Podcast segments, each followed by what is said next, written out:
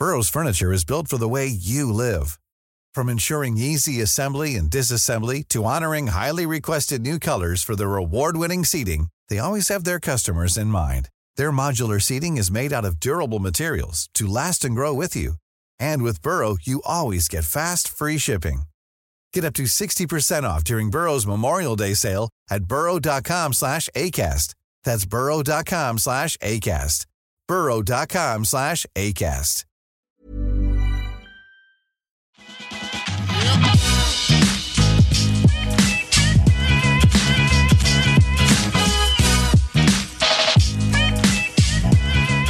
Okej, vi rullar. Välkommen till en timma med där jag, Sanja Tigeltia, träffar människor som inspirerar mig. Jag får dagligen i mitt arbete träffa så många roliga personer som lär mig så extremt mycket och då tänkte jag att varför delar jag inte med mig av den här kunskapen och av de här människorna med er? Så det var egentligen hela nyckeln och tanken bakom den här podden. Så jag kommer att träffa människor inom helt olika branscher som delar med sig om sin karriärresa men på ett ganska ofiltrerat och oskärtigt sätt. Så jag hoppas att ni kommer tycka om den. Idag träffar jag ingen mindre än PR-geniet Daniel Redgert som har hunnit med så sjukt mycket saker och är inte ens 30 år fyllda. Han har varit med i eh, och eh, arbetat för Idol. Han har skrivit en bok som 25-åring som heter Vem fan är han? Han har arbetat på Patriksson och för Hanna och Amanda på Perfect Day Media. Men numera driver, driver han sitt eget PR-imperie Redgert Koms, men också Frank. Så att han, eh, han gör en jäkla massa. Han har eh, skrivit för Expressen, han har jobbat som nattklubbschef samtidigt. Ja, ni får helt enkelt höra. Jag vill att vi fokuserar på att berätta mer att vad gör man när man arbetar med PR? Hur ytlig är våran bransch? Hur lyckas man inom PR? Eh, hur förskönad är bilden av PR? Jag hoppas att ni gillar det här.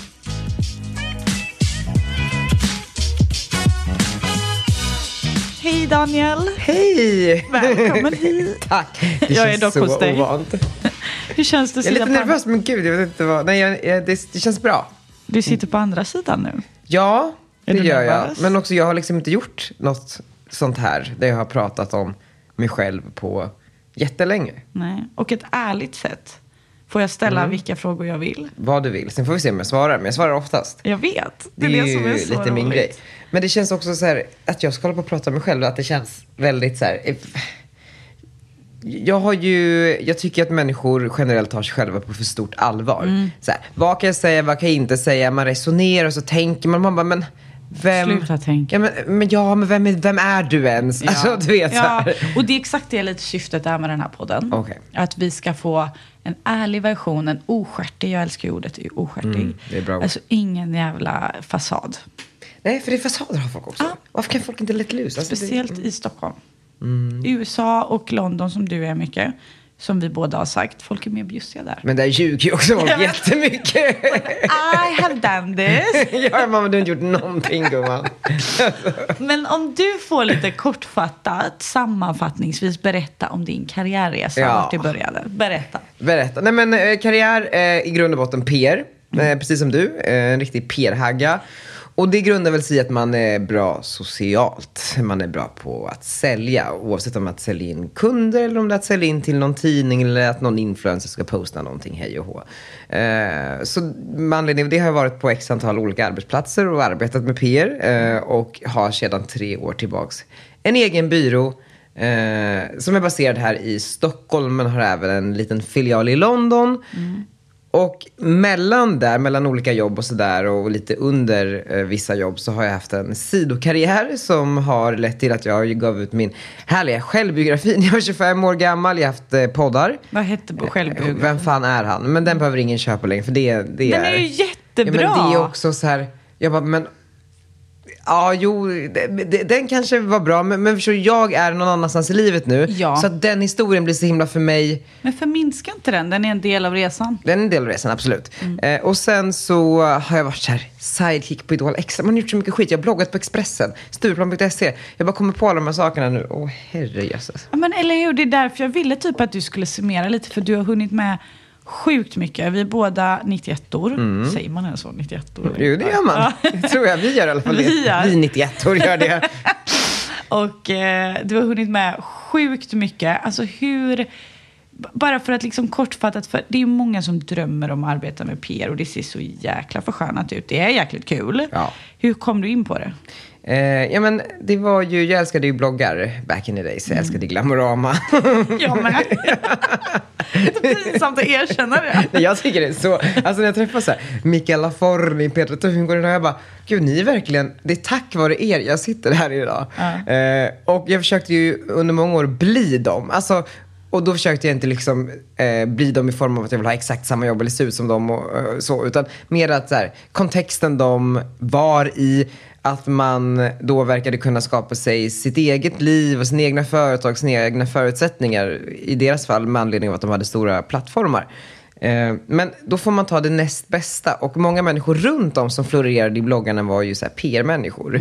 Eh, som då... Så kände allt och alla. Ja men precis så. Och då bara, men det här PR låter ju spännande. Låt mig testa det.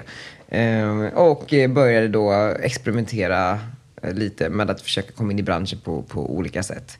Eh, Sen kändes det som att du lärde känna allt och alla. ja, Var det en strategi?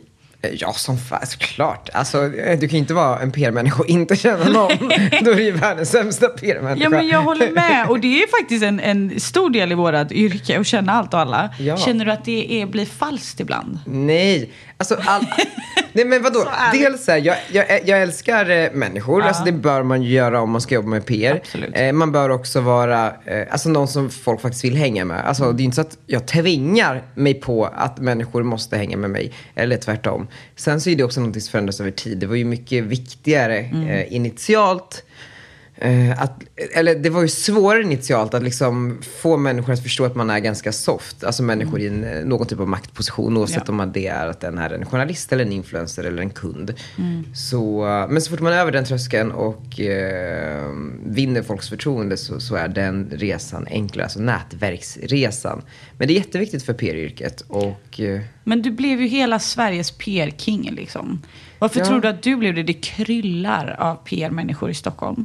Men jag är också ganska bra. För det är ju där Mm. Var- varför en är du det? bra PR-människa skiljer sig från en dålig PR-människa. Ja. En dålig PR-människa eh, säger ju mycket. Mm. Den är väldigt, eh, den eh, pratar visionärt många gånger. Och det gör jag också. Alltså, Gud, ni borde göra det här och det här och det här. Och då kommer ni synas här. Och ni kommer vara i BBC. Och ni kommer vara i Forbes. Och, Medan jag kanske är så här, ja, jag, jag kan säga de sakerna, men jag säger dem bara om jag vet att jag kan leverera, leverera på dem. Och eh, där kanske inte alla riktigt når hela vägen fram i leveransen. Eh, så om jag målar upp en stor vision och sen så liksom ror jag den i hamn, då är man ju duktig på riktigt. Ja. Och det är det jag har lyckats med. Mm. Och det är det jag antar att dina kunder har märkt och att det är därför du har fått fler och fler och fler. Absolut, eh, så är det verkligen. Och sen så genuint gillar man ju det man gör. Jag vill ju att det ska gå bra för våra kunder. Det är som att så här, varje företag som kommer in här och på något sätt vill lägga ett uppdrag. Jag, eh, jag respekterar ju dem väldigt mycket och skulle aldrig wastea deras pengar på någonting jag inte tror på. Eller eh, om jag vet att det inte kommer generera någonting för dem liksom, i det långa loppet. Om de kanske borde lägga pengar på något annat istället. Det är som att det är mina egna för, små företag som jag, och ibland väldigt stora företag, som, som jag eh, hanterar. Du Och går det, all in. Liksom. Ja, men jag går all in. Och det tycker jag är jätteviktigt. För man kan inte hålla på och slösa med folks pengar till höger och vänster. Nej. Och du har ju varit på rätt stora byråer eller liksom för, för stora arbetsgivare. Du har jobbat för Hanna och Amanda, för Patriksson. Alltså tror du att du någonstans inte passade in där för att du hade för, eller liksom för stort go eller att du inte kunde ha en chef över dig? Mm. Eller varför tror du att du inte trivdes? Eller det vet jag inte, du kanske trivdes. Men jag antar att du ville gå vidare liksom, Eh, eftersom du Ja, men jag trivdes jättebra och man ska alltid vara ödmjuk för att man eh, är aldrig fullärd. Mm. Där lärde jag mig på bägge arbetsplatser så mycket jag kunde lära mig. Mm. Eh, men när man lär sig massor av saker så får man också idéer om hur man skulle kunna göra sakerna annorlunda. Och i och med att eh, idag när man själv driver en halvstor organisation, saker kan ta tid och det ska implementeras och folk ska tycka till och så vidare. Jag vet att eller jag har byggt en struktur där vi kan vara mer snabbrörliga. Mm. Och det tror jag är framgången bakom vårt företag och varför jag också många gånger ville lämna. Mm. Efter, ja men, norm, alltså när man är i mellan 20 och 30, att vara två och ett halvt, tre år på en arbetsplats är ganska länge ändå. Mm. mm. Framförallt om man är väldigt driven. Så jag var ju inte där jättekort tid, utan jag var ändå där rejält med tid. Men eh, jag vill vara mer snabbrörlig. Jag har för många idéer för att liksom sitta och vänta på att någonting ska bli godkänt uppifrån. Mm. Jag fattar. Och jag menar, sedan så släppte du ju en bok. Jag vet att du inte vill fokusera på den. Ja. Men det, det sticker ju ut som 25-åring att släppa en bok om sig själv. Mm. Speciellt i Sverige. Alltså folk är inte, vi har pratat lite om så personal branding eh, i ett annat avsnitt. Och du är ju jäkligt duktig på det. Du skäms ju inte för att lyfta dig själv och prata om dig själv och liksom eh, vad, vad, du har velat. Du blev liksom mm. Pierre Dannis, eh, Gulle Dannis ett tag och sen liksom vem fan är han? Och Får jag bara säga en sak där? Ja. inte det här Pierre Dannis, Dannis? Eller Men det är ju passé. inte det väldigt förminskande också? Jo det är det. Alltså det är så lilla det gubben? Jo lite. Men det var också, du, du, det kändes mm. som du trivdes lite med det i början. Och sen slog du dig loss och bara, jag är mycket mer än så. Ja, jag tror att jag trivdes i det, men någonstans så man blir en produkt av sin, eh, av sin uh, omgivning. Ja. Om alla, men jag tror också det har varit mycket så här framgångsreceptet. Jag, jag ser väldigt ung ut, jag är ganska kort. Alltså, mm. eh, ganska, ja men, eh, pratar väldigt visionärt och vill mycket. Vilket gör att människor har en tendens att inte ta mig så seriöst. Ja. Eh, och då blir man Dannis och sådär. Men det har egentligen varit en väldigt stor fördel. För då mm. slår man alltid folks förväntningar på ja. vad man ska leverera. Eh, men i efterhand när man bara tänker efter. Bara, Dannis, vad fan är det för jävla ja. förminskande namn? Ja, men också att du då på det som du säger var yngre och du mm. var kort, eller du är kort. Ja, nu låter det som att jag är jättekort. Ja, men så kort 1,70. Men jag fattar vad du menar. Det, allting adderas upp och ja, blir väldigt ja. förminskande. Men var ditt mål då att bli känd? Mm, absolut. Men det är också ett eh, PR-verktyg, eh, mm. om man säger så. Alltså att släppa en självbiografi när man är 25. Mm. Eh, många tycker att man ska vänta tills man har gjort sitt liv. Och eh, ja, kanske efter. Nej, jag tänker inte efter så nej, mycket. det var men, 100% klockrent. ja, men jag tycker ändå det. Men, och någonstans handlar ju allting om, alltså det grundar ju sig i att jag vill vara bra på mitt jobb. Mm. Eh, man, folk, alltså i form av så här, kunder, influencers, journalister. Det är egentligen de man konverserar med dagligen i form av, ja, men när man utför sitt jobb. Eh, jag, eller i början av sin karriär, då har man svårt att få folk att svara. Mm. Alltså, folk eh, tycker inte det är så spännande med ett, anonymt namn som mejlar om en relativt ointressant pryl. Och där insåg man ju så här, med just kanske influencers framväxt. Att säga, men fan det här är någonting folk bryr sig om. Det, här, det finns något allmänintresse kring det. Um, helt plötsligt kunde vi få, låt säga att vi skulle släppa en skomodell med Puma. Ingen brydde sig. Ja men Kendall Jenner släpper en skomodell för Puma. Alla brydde sig. Mm. Eh, och då inser man ju, fan det ligger någonting i det här. Jag måste ju bli det här själv om jag ska få människor att svara på mina jävla mail. Uh -huh. eh, så det är mycket det. Mm. Eh, och, alltså därför jag, jag ville göra mig ett namn. Och sen så har det ju alltid varit så här, bara en ambition och ett mål jag har satt upp. Mm. Eh, och jag älskar att eh, ro i hamn mina mål och drömmar. Mm. Så det var ju bara ett steg på vägen. Men därefter, efter jag släppte den här självbiografin och var ganska mycket i media och, och sådär, så uh, har jag valt att ta ett steg tillbaka för det är inte intressant längre. Det var egentligen bara målet mm. som var kul. Och sen nästa mål kanske då bygga dina bolag. Absolut. Och du har ju lärt mig mycket kring ja, moderna sättet att se på PR. Ehm, och liksom så här, vem fan bryr sig om ett litet pressklipp? Det är klart, det, det är också viktigt, det, det står alla. Men du jobbar ju väldigt mycket med influencer marketing. Mm. Men du har också en ganska speciell syn på det. Kan du inte berätta lite varför det är så himla viktigt med influencer marketing? Och du jobbar ju mycket med Margot. Mm. Vad har det gjort för ditt bolag versus hennes att ni jobbar ihop? Ja men alltså, dels så, vi har ju, vi jobbar ju med jättemånga influencers. Ja. Alltså Carolina Gynning, eh, Åsa Ingrosso, alltså, du vet, så Helene Torsgården. Eh, alltså ni är lite agenter? Nej men vi är inte så här, vi är inte, vår affärsmodell är inte att vi är ett stort influencernätverk där folk ligger exklusivt hos och vi säljer eh, annonsutrymme utan vi företräder kunden och det som passar kunden, den personen eh, tar vi in då och arbetar med.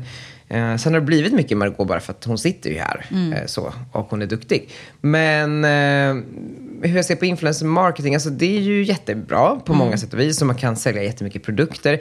Mm, Så man kan väcka opinion, känslor, man kan få in saker i, i press, alltså media, Aftonbladet, Expressen.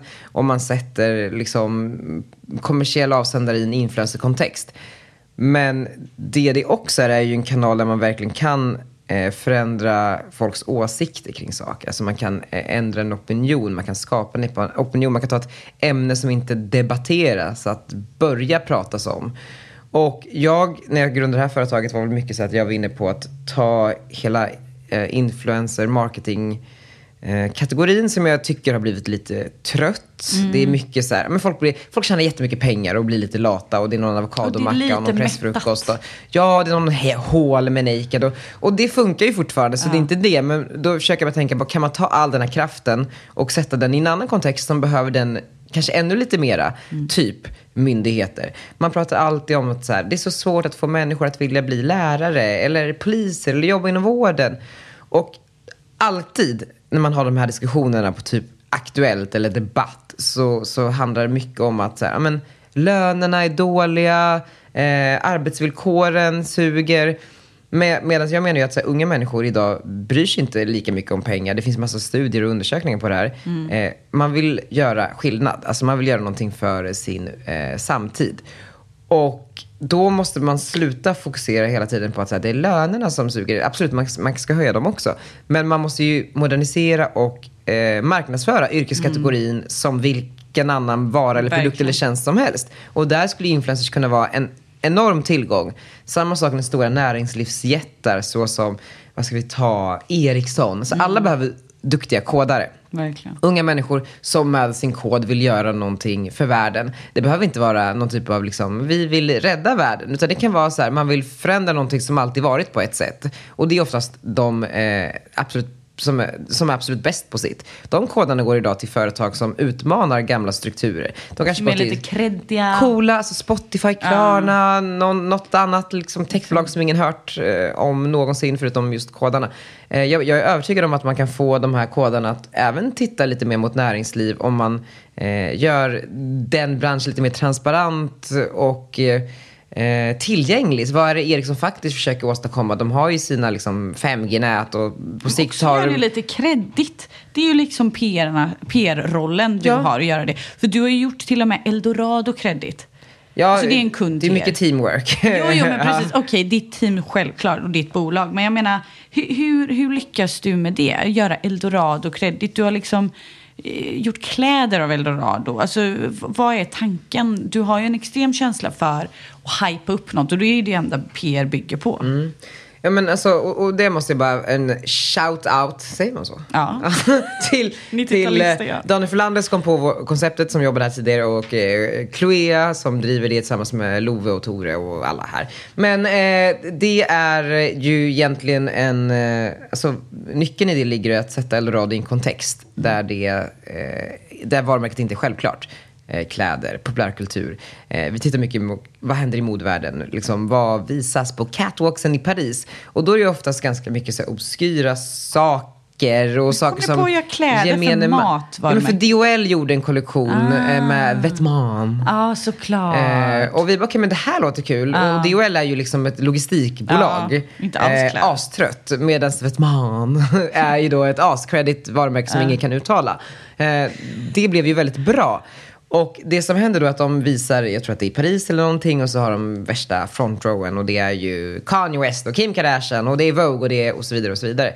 Och det har ju dels en tendens att så, okay, så plockas det upp av kanske någon, antingen någon så här obskyr så här, modetidning och sen så kanske New York Post rapporterar om det den tidningen skriver och sen så hamnar det i ehm, fan vet jag, BBC och sen så plockas det upp av TT som sen hamnar i Smålandsposten så går det hela vägen till liksom gemene man.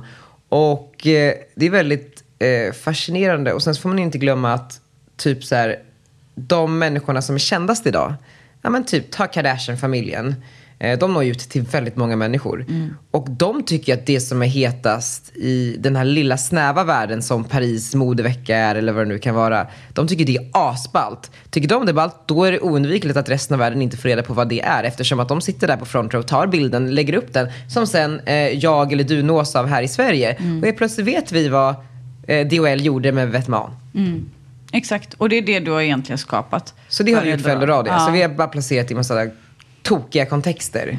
Och där är ju väldigt många så företag generellt när man pratar om att man ska göra PR för ett företag. Och de bara, men vi måste fokusera på vår produkt. Jag bara, eller så gör ni inte det.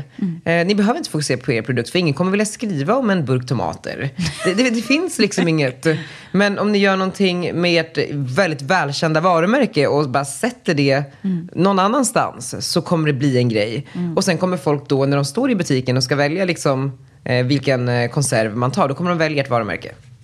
Gud vad kul det hade varit att få dig eh, skapa något och sätta blårutan i en helt annan kontext. Alltså blårutan är ju så känd och bra. Den är alltså, där så kan vi känd. så mycket. Jag vet, jag blir så taggad nu. Så mycket. Men du, nu går jag lite in på djupet då, för nu har du fått berätta lite om din karriär, nu driver du flera bolag, du, är, alltså, du har gjort extrem framgång på väldigt kort tid, det får man ändå säga. Det har ju tagit tio år men ja. Ja, men det, du är inte ens 30, jo, du, nej 29, vi fyller ju nästa 29. år, båda i Ja. augusti. Ja.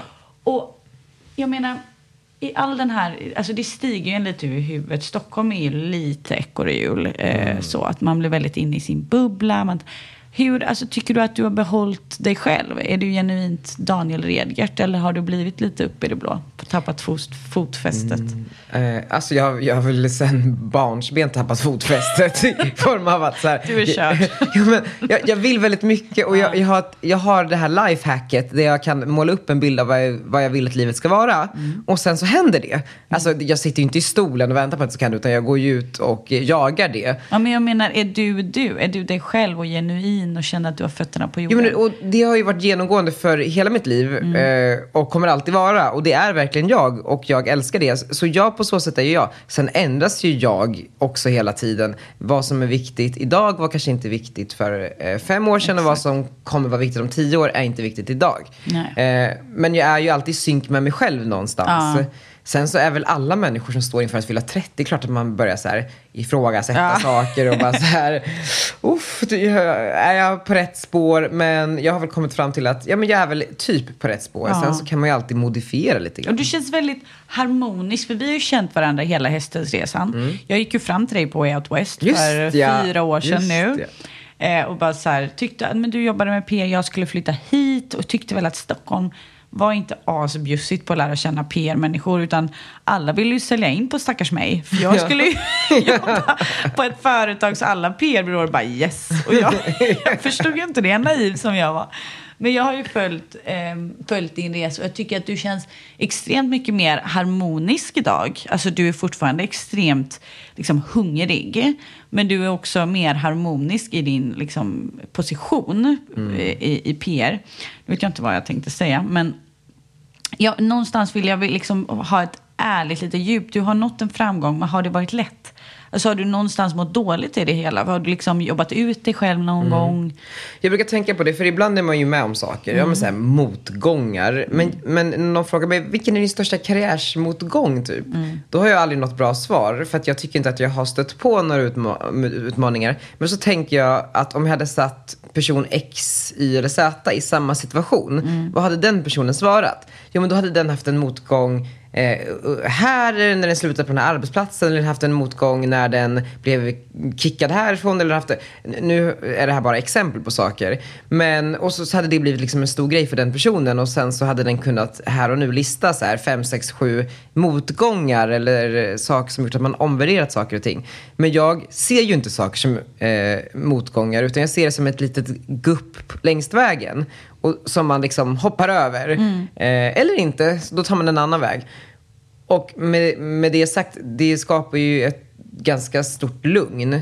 Sen skulle jag vilja säga också, för alla människor som ska liksom precis börja sina karriärer, den svåraste delen är att få bollen i rullning. Ja. Alltså de första åren.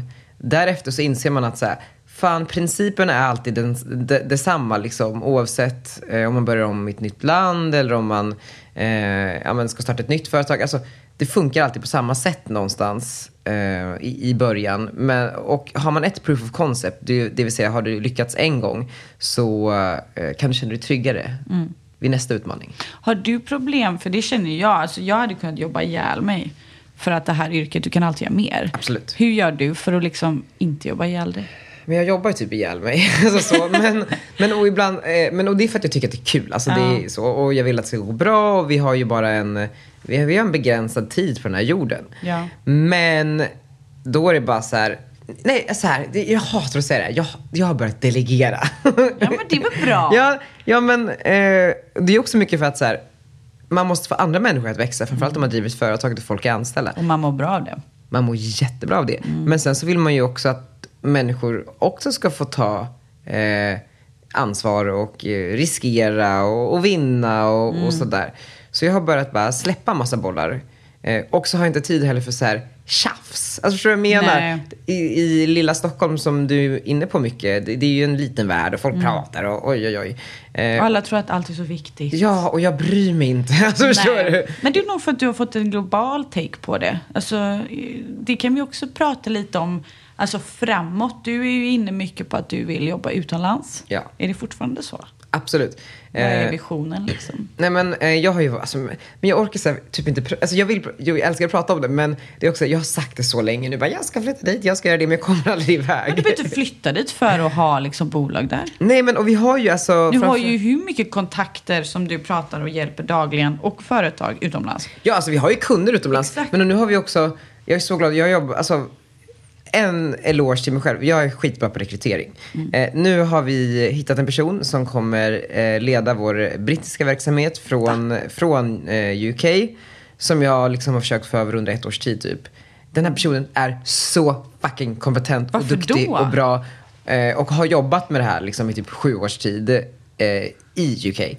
Så, Vad för typ letar du efter? Jag, jag är nyfiken på vad är så jävla bra för dig? Eh, alltså grejen är, vi kan ju hela så influencer-grejen. Dels för att vi gör den väldigt bra i Sverige, men dels för att Sverige också är ett föregångsland när det kommer till den, eh, den typen av eh, business. Ja. Så vi vet ju hur man gör det och det är ganska enkelt att göra det i UK. Vi har redan gjort det en, eh, en del i UK. Så, så där känner jag mig självsäker att vi härifrån kan ordna det. Eller om jag åker över eller Love eller någon eh, så.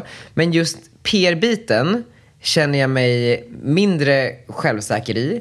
Eftersom att det är, alltså jag har inte engelska som första språk. Nej. Jag känner inte alla journalister. Eh, det är en konst, även om jag tror att jag kommer bli ganska bra på den eh, ganska snabbt om jag bara är där. Men, men så där har jag liksom inte kunnat eh, lova kunder saker och ting.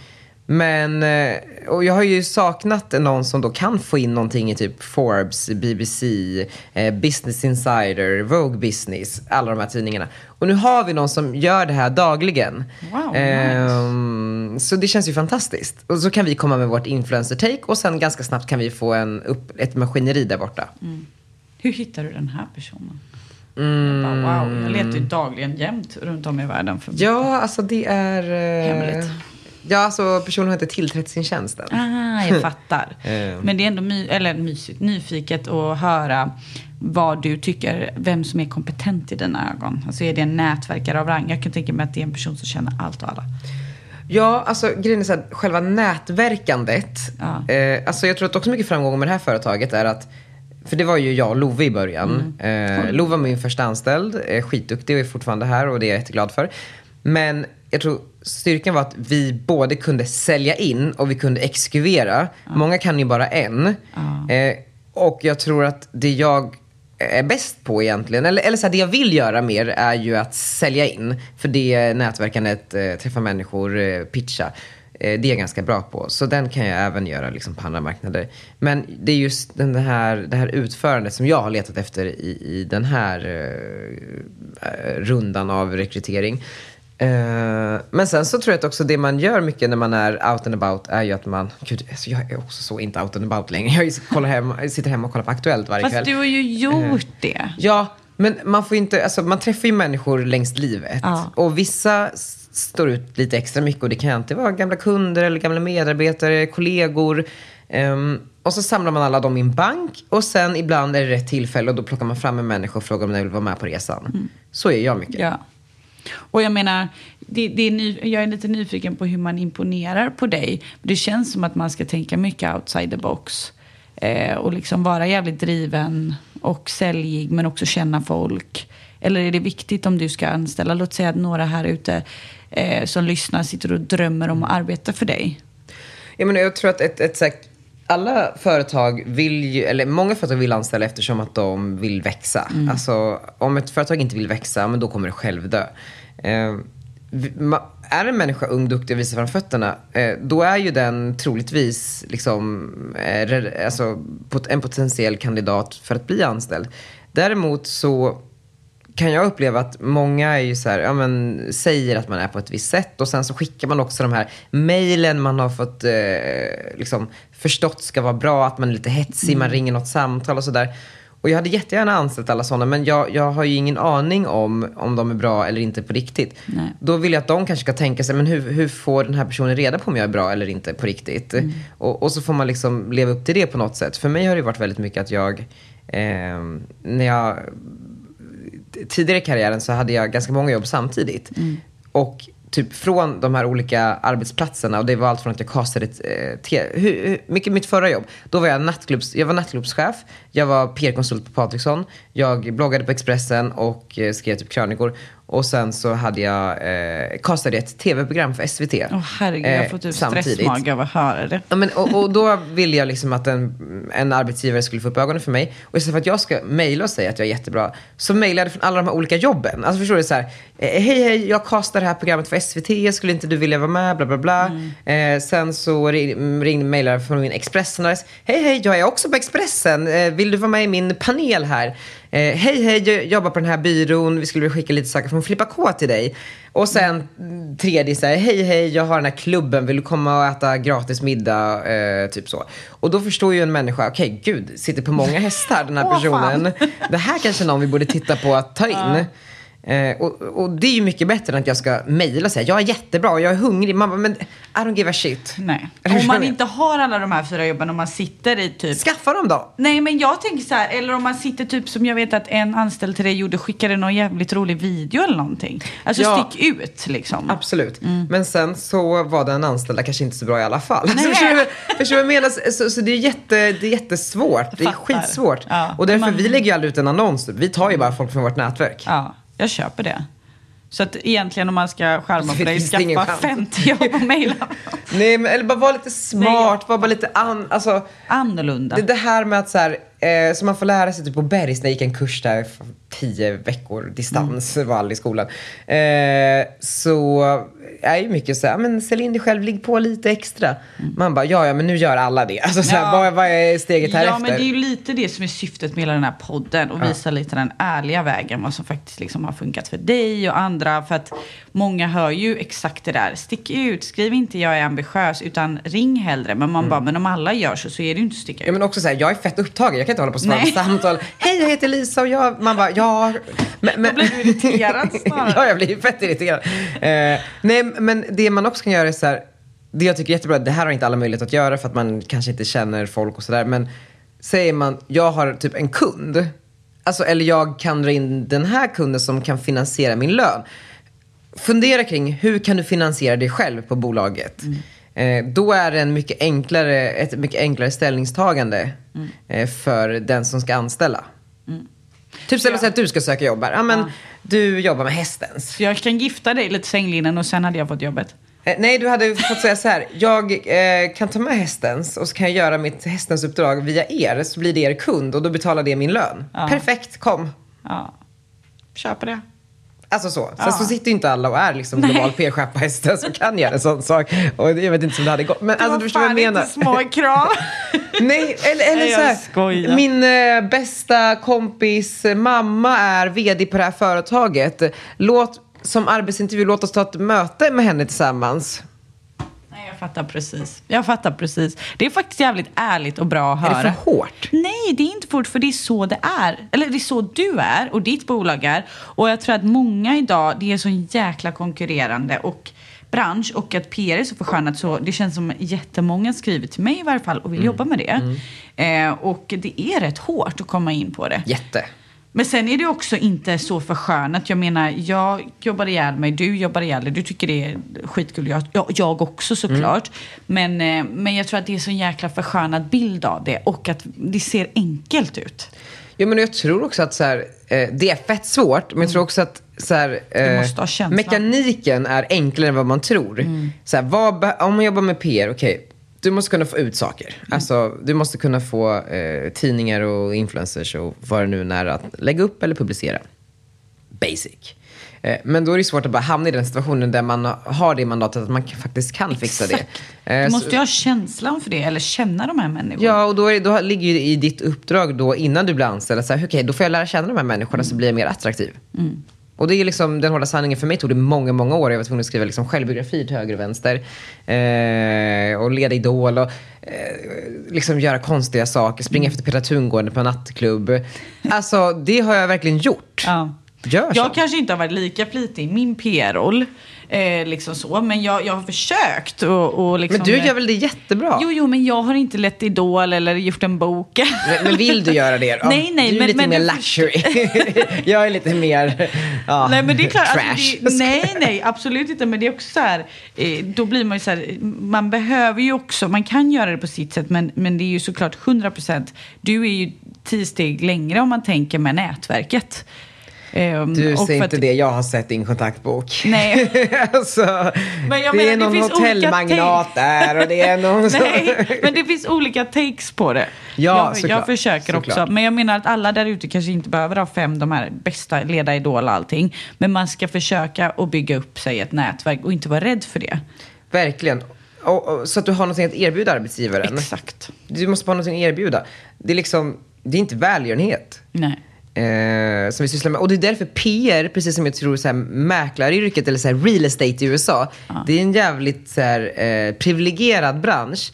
Att de som typ kanske blir de bästa mäklarna i Beverly Hills är de som är born and raised Beverly Hills. Som har föräldrar som känner alla som ska sälja ett hus. PR är ju också mycket så här, mina första PR-jobb, det var bara Östermalmspersoner. Som liksom born and raised inom liksom, eh, tre gator här. Eh, och för att deras föräldrar satt på positioner där de var marknadschefer, vd, ägde massa företag. Eh, så.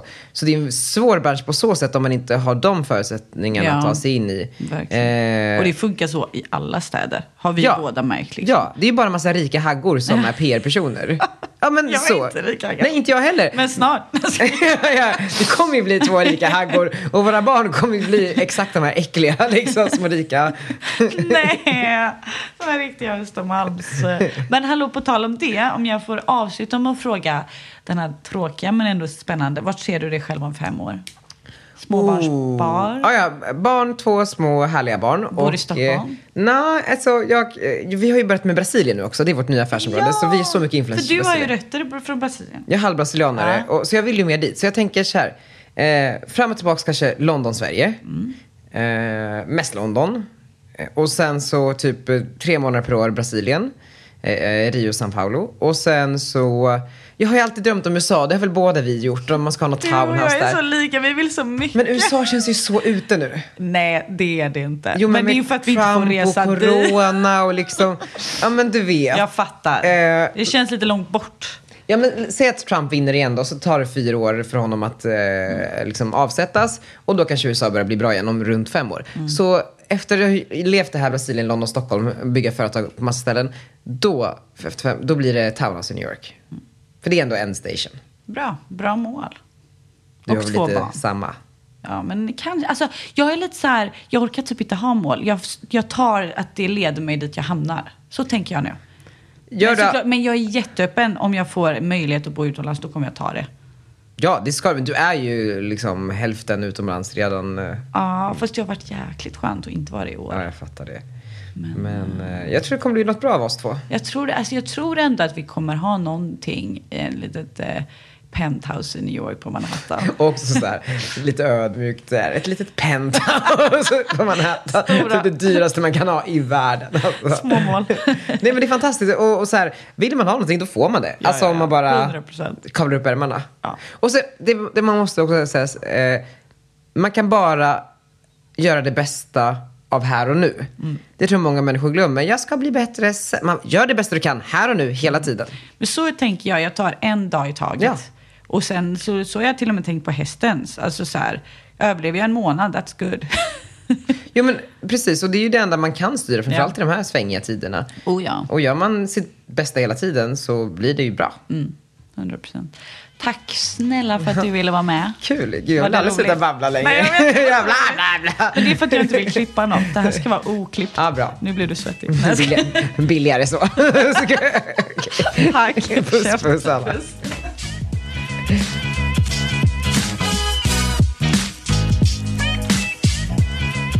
Jag spelar in den här podden på coworking spacet Helio GT30 där jag sitter och arbetar om dagarna. Det finns på flera ställen i stan så letar du efter en härlig kontorsplats så kika gärna in på helio.se för att se vart de finns runt om i stan. De har även eventlokaler, mötesrum eller den här poddstudion om man skulle behöva det. Eh, sen också väldigt viktigt, världens bästa personal.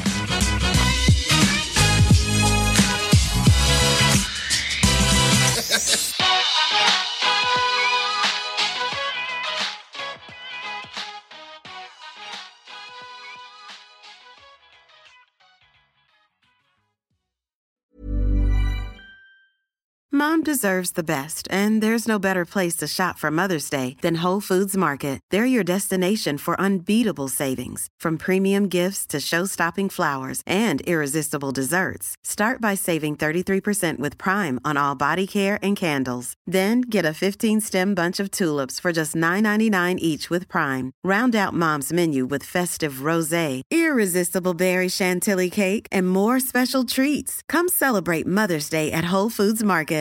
Imagine the softest sheets you've ever felt. Now imagine them getting even softer over time. That's what you'll feel with Bowl and Branch's organic cotton sheets. In a recent customer survey, 96% replied that Bowl and Branch sheets get softer with every wash. Start getting your best night's sleep in these sheets that get softer and softer for years to come. Try their sheets with a 30-night guarantee. Plus, get 15% off your first order at bowlandbranch.com. Code BUTTERY. Exclusions apply. See site for details.